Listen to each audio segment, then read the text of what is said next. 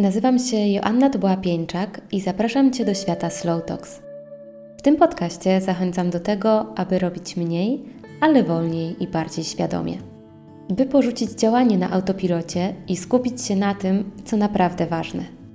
Poruszam tu tematy związane z odkrywaniem siebie, rozwojem biznesu, podróżami i takim codziennym byciem.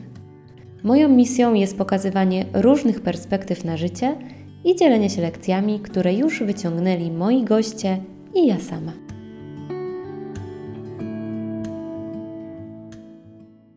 Cześć, witaj po krótkiej, długiej, nie wiem jak to określić, ale witaj po przerwie.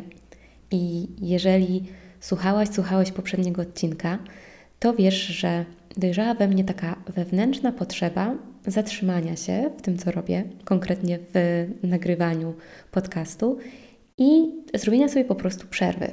I to nie była taka zwykła przerwa, jakby nie patrzeć, bo w trakcie niej bardzo dużo się u mnie działo. I to też nie była taka przerwa do końca, że ja sobie usiadłam i zaczęłam rozkminiać, co ja chcę robić dalej, jak chcę, żeby to wyglądało. Tylko to była przerwa potrzebna na to, żebym ja mogła skupić się na rzeczach, które w tamtym momencie były dla mnie i ważne, i stresujące, pełne niepewności, pełne nadziei. Tak pokrótce, w tym czasie, kiedy mnie nie było, to zorganizowałam przeprowadzkę z Polski na Lanzarote, wybierając się w podróż samochodem prosto z Warszawy przez Niemcy, Francję, aż do Kadyksu, do hiszpańskiego Kadyksu, w którym wsiadłam na prom i przez 27 godzin płynęłam przez ocean, tak aby ostatecznie znaleźć się po tych 27 godzinach w moim wymarzonym miejscu i w moim nowym domu. I w takim domu, który chcę nazywać domem na pewno na dłużej niż kilka najbliższych miesięcy, bo wraz z moim mężem podjęliśmy decyzję o tym, że chcemy się gdzieś osadzić i tutaj w cudzysłowie wkładam słowo na stałe, bo jak dla mnie to nie ma nic stałego w życiu, a może jedyną stałą jest ta zmienna, o której się tak często mówi, ale żeby to łatwiej było tak osadzić sobie w głowie, to bez y, limitu czasu, z myślą o umoszczeniu się trochę tutaj, o zbudowaniu swojego miejsca, swojego nowego domu. No i padło na to Lanzarote, bo ostatni rok bardzo mocno namieszał nam, ale w taki sposób pozytywny, namieszał nam w głowach, więc poczuliśmy, że to jest nasze miejsce i poczuliśmy, że chcemy tu być.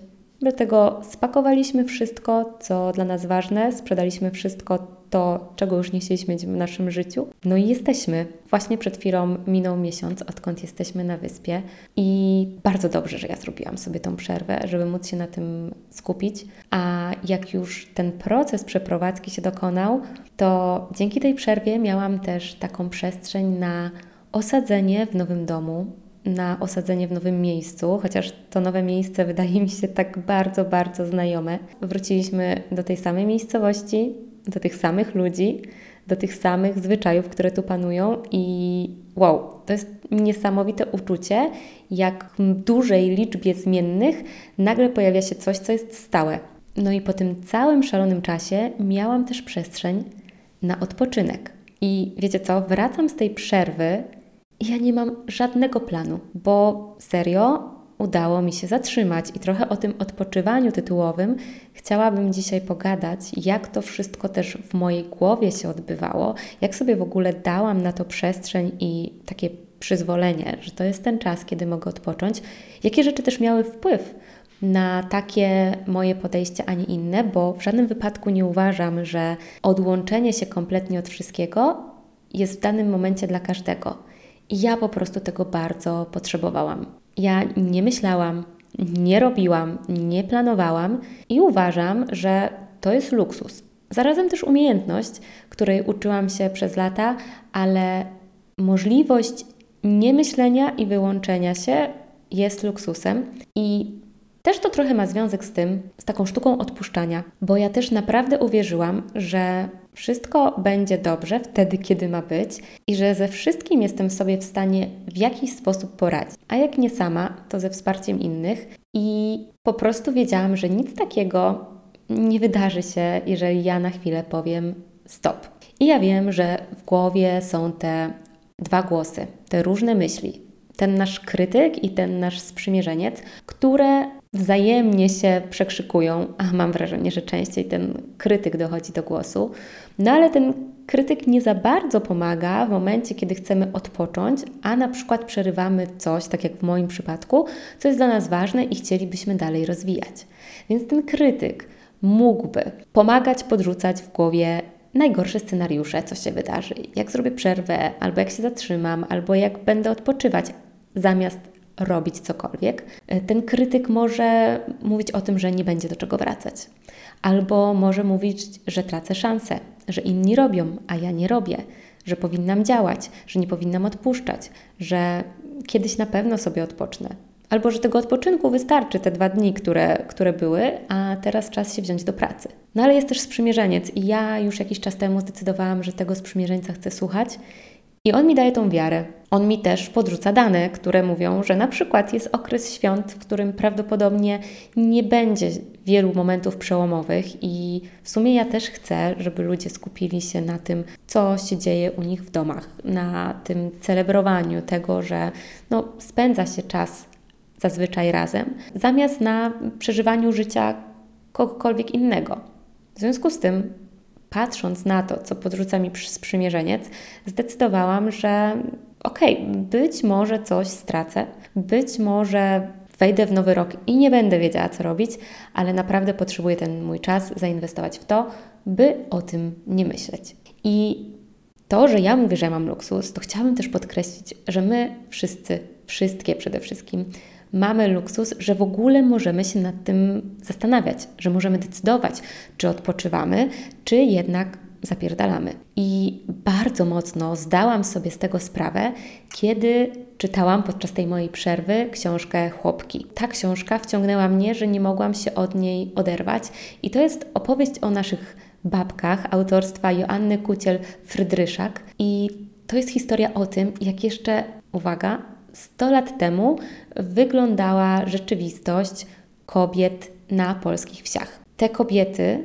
marzyły o własnych butach, o tym, żeby mogły pójść do szkoły, o umiejętności czytania, bo panowało takie powszechne przekonanie, że umiejętność czytania nie jest babom do niczego potrzebna. I w tych reportażach, żeby też za bardzo nie spamować, bo być może zechcesz przeczytać tą książkę, ale było bardzo dużo pracy.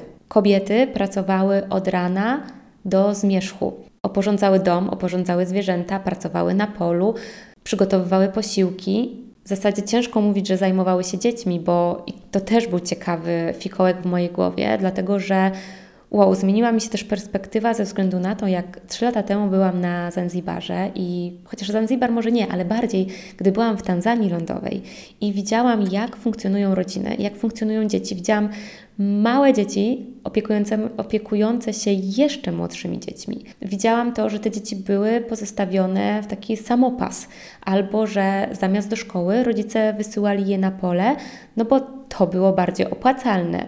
Co może takiemu dziecku przynieść szkoła? Ważne, żeby zwierzęta były zaopiekowane. I jak po prostu czasem myślimy o tych czasach, czasie międzywojennym albo jeszcze przed I wojną światową, to wydaje się to takie odległe, a z drugiej strony wystarczy polecieć kawałek dalej i to, co teraz nam się wydaje nie do pomyślenia u nas, wciąż funkcjonuje w innych państwach. I wracając jeszcze do tych chłopek, tam nie było mowy o odpoczynku. Tam po prostu ciągle byłoby, było coś do zrobienia. Ludzie byli niedożywieni, przemęczeni, nie potrafili w zasadzie robić innych rzeczy poza tym, aby pracować. I to nie jest tak, że oni tego nie potrafili, tylko po prostu nie było na to czasu. Bardzo, bardzo polecam tą książkę, żeby też z jakimś takim większym współczuciem, ale takim współczuciem ze zrozumieniem patrzeć na nasze babcie, mamy, może na nas same, kiedy to nie potrafimy się zatrzymać. Ja wychodzę z założenia, że my nie jesteśmy, nie rodzimy się jako tabula rasa, jako czysta tablica, którą od początku naszego życia zapisujemy. My w naszych genach mamy zakodowane traumy pokoleniowe, mamy zakodowane pewne predyspozycje. I ten moment, kiedy chcesz się zatrzymać, chcesz odpocząć, ale gdy tylko zaczynasz to robić, rozprasza cię milion myśli o tym, co jeszcze powinnaś zrobić, albo wydaje ci się, że powinnaś zająć się milionem rzeczy naraz, to nie jest spowodowane jedynie tym, że ty taka jesteś. To jest po prostu coś, co drzemie w nas od pokoleń i co jest rzeczą bardzo mocną do przepracowania, do przepracowania swojej relacji z odpoczynkiem, do przepracowania swojej relacji z tym, czy ty musisz robić te wszystkie rzeczy, czy na przykład dzielisz się w domu pracą razem z innymi osobami, które z tobą mieszkają, czy nie bierzesz za dużo na swoje barki. Albo to proste pytanie, co się stanie, jeżeli czegoś nie zrobisz? Bo nam się często wydaje, że my coś musimy, ale tworzymy sobie taką autopresję, bo w rzeczywistości może nic wielkiego się nie zdarzyć, jeżeli nie wyprasujesz dzisiaj tego prania. Chociaż nie wiem, czy ostatnio widziałam jakieś badania o tym, że pokolenie milenialsów porzuciło prasowanie, więc może to prasowanie nie jest najlepszym przykładem, ale pomyśl o takich rzeczach, które wracając do domu myślisz, że musisz zrobić. I za każdym razem zastanów się, czy to jest coś, co ty faktycznie musisz zrobić dzisiaj. Bo pewnie będą takie rzeczy, które wymagają Twojego natychmiastowego działania, ale mogą być takie, które mogą poczekać, albo może zrobić je ktoś inny, a może wcale nie są warte tego, aby ze względu na nie rezygnować na przykład z tego odpoczynku. No i korzystając z tego luksusu na zatrzymanie i odpoczynek, ja postanowiłam zrobić to naprawdę porządnie i naprawdę porządnie oceniam to przez swój pryzmat w porównaniu do tego, jak robiłam to kiedyś. I ja myślałam, że całkiem niezła jestem w odpoczywaniu, bo myślę, że tak, że, że potrafię to robić, ale tym razem naprawdę potrzebowałam nie myśleć, nie ustalać planu działania. I nie robiłam tego. Mm, budziłam się rano i dopiero wtedy zastanawiałam się, na co w zasadzie ja mam ochotę.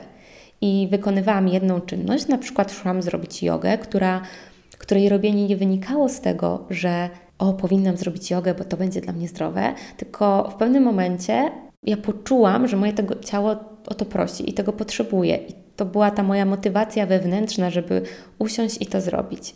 I co ciekawe, to moje zachowanie dziwiło moje otoczenie, szczególnie mojego męża na początku, który pytając mnie o to, jakie mam plany na dzień i słysząc, że nie mam żadnego, bo na razie jestem skupiona na przygotowaniu śniadania, a jak zjem śniadanie, to, to wtedy zobaczę, na co będę miała ochotę.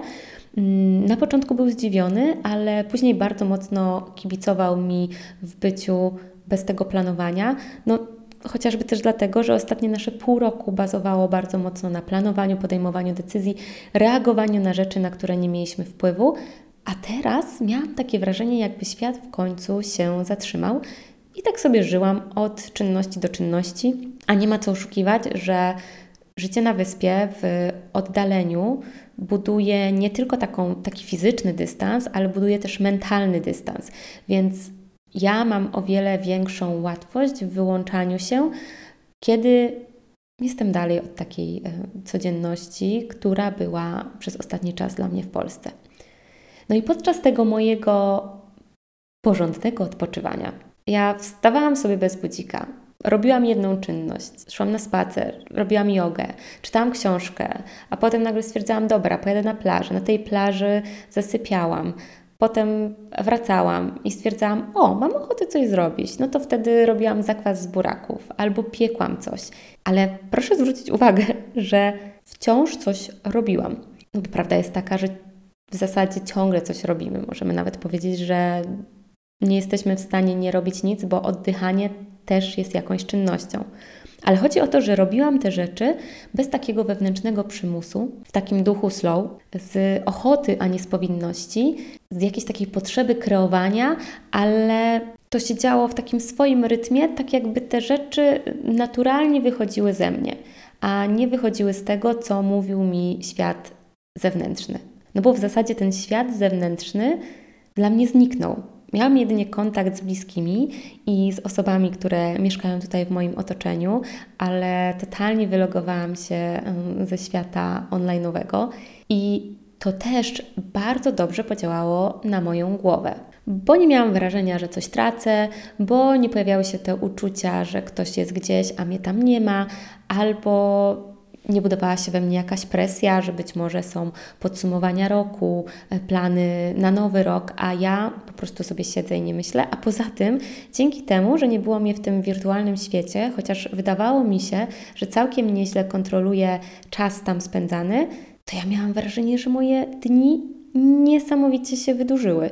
I Nawet czasami łapałam się na tym, że byłam przekonana, że zbliża się godzina 18, a było dopiero około 16. To był też w tym całym odpoczywaniu naprawdę spory game changer. Jak tak sobie nic nie robiłam, to ja również nie dawałam sobie zadań, tak jak robiłam to do tej pory, dlatego poczułam, że to moje odpoczywanie teraz było zupełnie innej jakości dla mnie niż dotychczasowe, bo nie wpadłam w taką pułapkę, że skoro ja mam wolne, to mogę teraz o czymś pomyśleć. Wiecie, takie jak będę miała czas, to się spokojnie nad tym zastanowię. Totalnie świadomie to wyłączyłam, ale wartość z tego dotarła do mnie dopiero po kilkunastu dniach. Bo dotychczas działałam tak, że po prostu korzystając z tego, że nie muszę robić jakichś rzeczy, że jestem w innej przestrzeni, że sobie leżę na leżaku, opalam się na słońcu, to uruchomiłam mnóstwo procesów myślowych w mojej głowie. To jest w zasadzie głównie moje robienie, które robię. Po prostu wyświetlałam sobie e, różne opcje, różne scenariusze, analizy.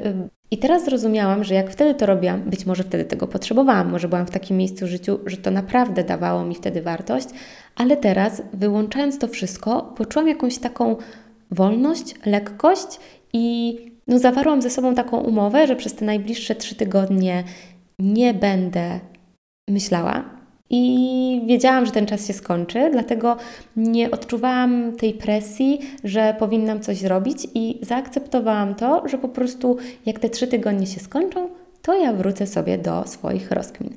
No i właśnie, kończąc ten wywód, kiedy minęły trzy tygodnie, usiadłam przed komputerem i pomyślałam, no dobra, teraz czas włączyć myślenie i zastanowić się, co ja w ogóle czuję i co ja w ogóle chcę robić. I zrozumiałam, że ja lubię nagrywać te treści Lubię te momenty, kiedy ktoś mi pisze, że moje słowa, doświadczenie, refleksje coś w jego życiu zmieniły. Pojawiła się jakaś nowa myśl, zmieniła się perspektywa, był to jakiś impuls do działania. I dlatego dla tych małych momentów olśnienia, ku inspiracji, czasem może dla wkurzenia albo zburzenia jakiegoś statusu quo, dla włożenia kija w mrowisko, mam po prostu ochotę nagrywać dalej i płynąć w tych moich slow talksach. I będą goście, ale też planuję trochę więcej spotkań tylko ze mną, żeby właśnie dzielić się takimi przemyśleniami, takimi wrzutkami, które gdzieś w mojej głowie się pojawiają. A myślę, że będę teraz w ciekawym procesie, budowania po raz kolejny swojego domu, osadzania się w nowej hiszpańskiej kanaryjskiej rzeczywistości, więc i takie tematy będą się tutaj pojawiać. A na koniec chciałabym bardzo zaprosić Ciebie do refleksji nad Twoim odpoczynkiem. Na ile, kiedy umawiasz się ze sobą na odpoczynek, jest on jakościowy? Co w ogóle dla Ciebie znaczy odpoczynek? Na ile pozwalasz sobie odpoczywać, a na ile wykorzystujesz ten czas do zrobienia rzeczy, na które brakuje Ci czasu w codzienności, na ile możesz skupić się na sobie podczas tego odpoczywania, a na ile wciąż jesteś przede wszystkim dla innych. Bo tak myślę, że te nasze style odpoczywania, te nasze potrzeby, one zmieniają się w czasie i, i to jest ok.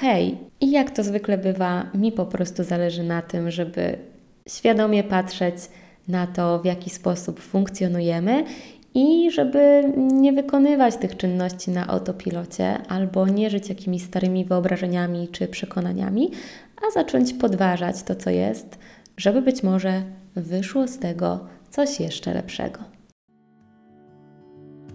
Na koniec mam do Ciebie wielką prośbę o ocenienie mojego podcastu w aplikacji Spotify i na iTunes. A jeśli chcesz podzielić się ze mną czymś jeszcze, to wpadnij na mój Instagram i napisz wiadomość prywatną joanna.tobola. Więcej treści do pracy nad sobą znajdziesz na portalu slowtalks.pl. No i do usłyszenia w kolejnym odcinku.